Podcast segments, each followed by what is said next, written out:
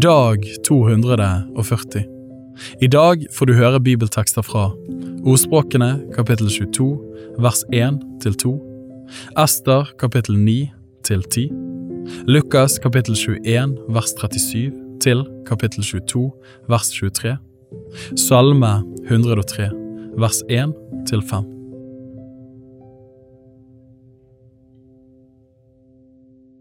Ordspråkene kapittel 22 vers 1 til 2 Et godt navn er mer verd enn stor rikdom. Å være avholdt er bedre enn sølv og gull. Rik og fattig møtes, Herren har skapt dem alle.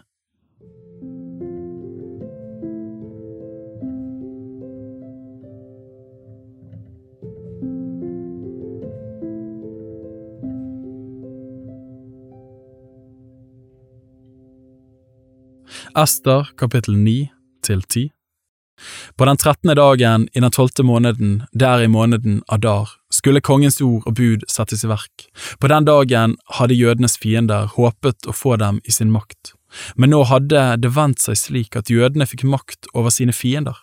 Den dagen slo jødene seg sammen i sine byer i alle kong Ahasveros landskaper for å legge hånd på dem som ville gjøre dem ondt. Ingen kunne stå seg mot dem, for frykt for dem var falt på alle folkene. Alle landskapene, stormenn og satraper og landshøvdingene og kongens embetsmenn hjalp jødene, for frykt for Mordekai var falt på dem. For Mordekai var nå en stor mann i kongens hus, hans ry gikk vidt om i alle landskapene, for han, Mordekai, ble mektigere og mektigere. Så slo da jødene alle sine fiender med sverd og død og undergang, og de gjorde som de ville mot dem som hatet dem. I borgen Susan drepte og ødela jødene 500 mann. Også Parshandata og Dalfon og Aspata og Porata og Adalja og Aridata og Parmashta og Arisai og Aridai og Vai Sata, de ti sønnene til Haman, Hamedats sønn, jødenes fiende, drepte de. Men de la ikke hånd på byttet. Samme dag fikk kongen vite tallet på dem som var drept i borgen Susan. Da sa kongen til dronning Ester, i borgen Susan har jødene drept og utryddet 500 mann og Hamans ti sønner. Hva har de da ikke gjort i kongens andre landskaper? Hva er nå din bønn? Du skal få det du ber om, og hva ønsker du mer, ditt ønske skal bli oppfylt. Ester svarte, Synes det kongen godt, så la jødene i Susan også i morgen få lov til å gjøre likedan som i dag, og la Hamans ti sønner bli hengt i galgen. Kongen bød at så skulle gjøres. Det ble utstedt en befaling om dette i Susan, og Hamans ti sønner ble hengt. Jødene i Susan slo seg sammen også den fjortende dagen i måneden Adar, og drepte i Susan 300 mann, men de la ikke hånd på byttet. De andre jødene i kongens landskaper slo seg også sammen og verget sitt liv og fikk ro for sine fiender. De drepte 75 000 av dem som hatet dem, men de la ikke hånd på byttet. Dette hendte den trettende dagen i måneden Adar, og den fjortende dagen hvilte de ut, og de gjorde den til en gjestebudsdag og gledesdag. Men jødene i Susan slo seg sammen både den trettende og den fjortende dagen i måneden. På den femtende dagen hvilte de ut, og de gjorde den til et gjestebudsdag og gledesdag. Det er grunnen til at jødene utover landet, de som bor i landsbyer, feirer den fjortende dagen i måneden Adar som en gledesfest og høytidsdag. Der sender de hverandre gaver av gjestebudskosten. Mordekai skrev opp disse hendelsene og sendte brev til alle jødene i alle kong Asveros landskaper, nære og fjerne, og påla dem at de år etter år skulle feire den fjortende dagen og den femtende dagen i måneden Adar, fordi det var på de dagene jødene hadde fått ro for sine fiender. Det var i den måneden deres bedrøvelse hadde vendt seg til glede og deres sorg til høytid. Derfor skulle de gjøre disse dagene til gjestebudsdager og gledesdager og sende gjestebudskost til hverandre og gaver til de fattige. Jødene vedtok som fast skikk dette som de hadde begynt å gjøre og det Mordekai hadde skrevet til dem om. For agagitten Haman, Hamedatas sønn, alle jøders fiende, hadde lagt planer opp mot jødene for å utrydde dem. Han hadde kastet pur, det er lodd, for å ødelegge og utrydde dem. Men da det kom kongen for øre, hadde han ved et brev påbudt at den onde planen han hadde lagt opp mot jødene, skulle vende tilbake på hans eget hode, så han selv og sønnene hans ble hengt i galgen. Derfor kalte de disse dagene Purim etter ordet pur. Og på grunn av alt det som sto i dette brevet, og det som de selv hadde sett, og som hadde hendt dem, fastsatte jødene og vedtok som ubrytelig skikk for seg og etterkommerne sine, og for alle som sluttet seg til dem, at de år etter år skulle feire disse to dagene, etter den forskrift som gjaldt om dem, og på den tiden som var fastsatt.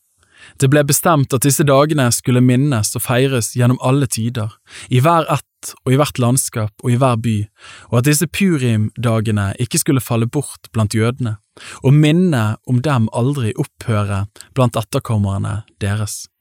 Dronning Ester, Ebi Hayils datter og jøden Mordekai skrev igjen et brev med myndige ord for å slå fast som lov det som sto i dette nye brevet om Purim og han sendte skrivelser til alle jødene i de 127 landskapene i Asverus rike med vennlige og alvorlige ord, og påla dem å holde ved lag disse purimdagene på den fastsatte tiden, slik som jøden Mordekai og dronning Ester hadde pålagt dem, og slik som de hadde stadfestet det for seg selv og etterkommerne sine, med vedtekten om faste og klagerop. Slik ble disse forskriftene om purimfesten fastsatt som lov ved Esters bud, og det ble oppskrevet i en bok. Kapittel 10 Kong Asverus la skatt på fastlandet og på øyene i havet, men alt det han gjorde i sin makt og velde, og en nøyaktig fremstilling av den høye rang som kongen opphøyet Mordekai til, det er oppskrevet i de mediske og persiske kongers krønike. For jøden Mordekai var den neste etter kong Asverus, og han var høyt æret blant jødene, og avholdt av sine mange brødre. Han søkte sitt folks vel og talte til beste for hele sin ett.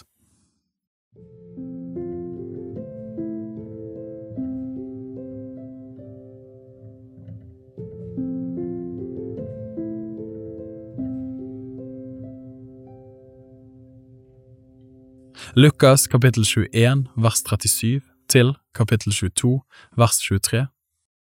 Om dagene var han i tempelet og lærte, men om kvelden gikk han ut til det berget som blir kalt Oljeberget, og overnattet der, og alt folket kom tidlig om morgenen til ham i tempelet for å høre ham.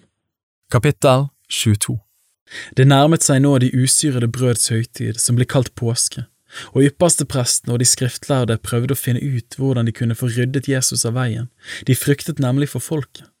Da for Satan inn i Judas med tilnavnet Iskariot, han som var en av de tolv. Han gikk av sted og talte med yppersteprestene og høvedsmennene om hvordan han skulle forråde Jesus til dem. Da ble de glade, og de ble enige med ham om å gi ham penger. Han godtok tilbudet og søkte en anledning til å forråde ham til dem når ikke folkemengden var til stede. Så kom den dagen i de usyrede brøds høytid, da påskelammet skulle slaktes.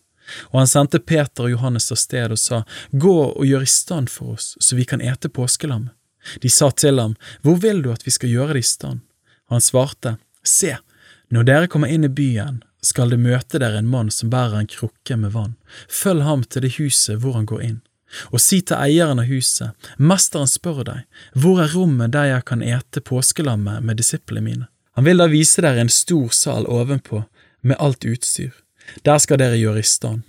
De gikk da av sted og fant det slik som han hadde sagt, og de gjorde i stand påskelammet. Og da timen kom, satte han seg til bords, og apostlene sammen med ham. Han sa til dem, Jeg har lengtet inderlig etter å ete dette påskelammet sammen med dere før jeg lider. For jeg sier dere, jeg skal aldri mer ete det før det er blitt fullendt i Guds rike.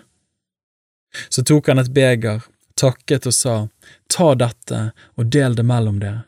For jeg sier dere, fra nå av skal jeg aldri mer drikke av vintreets frukt før Guds rike kommer. Og han tok et brød, takket og brøt det, ga dem og sa, Dette er mitt legeme, som blir gitt for dere, gjør dette til minne om meg. Likeså tok han begeret etter aftensmåltid og sa, Dette begeret er den nye pakt i mitt blod, som utgytes for dere. Men se, Hans hånd som forråder meg, er med meg over bordet. For menneskesønnen går nok bort slik det er bestemt, men ved det mennesket som forråder ham. Da begynte de å spørre hverandre om hvem av dem det kunne være som skulle gjøre dette.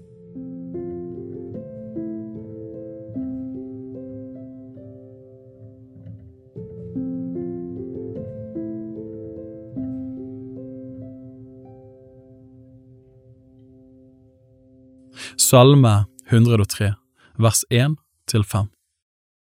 Av David Min sjel, lov Herren, og alt som i meg er, lov Hans hellige navn.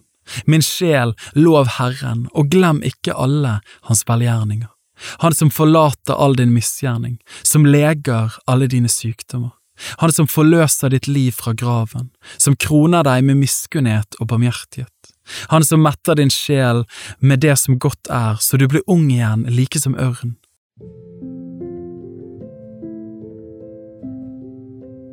Bibel på ett år er lest av meg, Daniel Sæbjørnsen, i regi av Tro og Medier.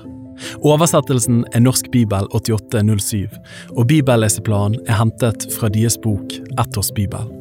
Hvis du ønsker å bli bedre kjent med Tro og Medias arbeid, og stå sammen med oss i å nå nye mennesker på nye måter med verdens beste nyheter om Jesus Kristus, se vår nettside troogmedier.no, og gjerne meld deg på vårt nyhetsbrev for å få de siste spennende oppdateringene. Ha en velsignet dag videre.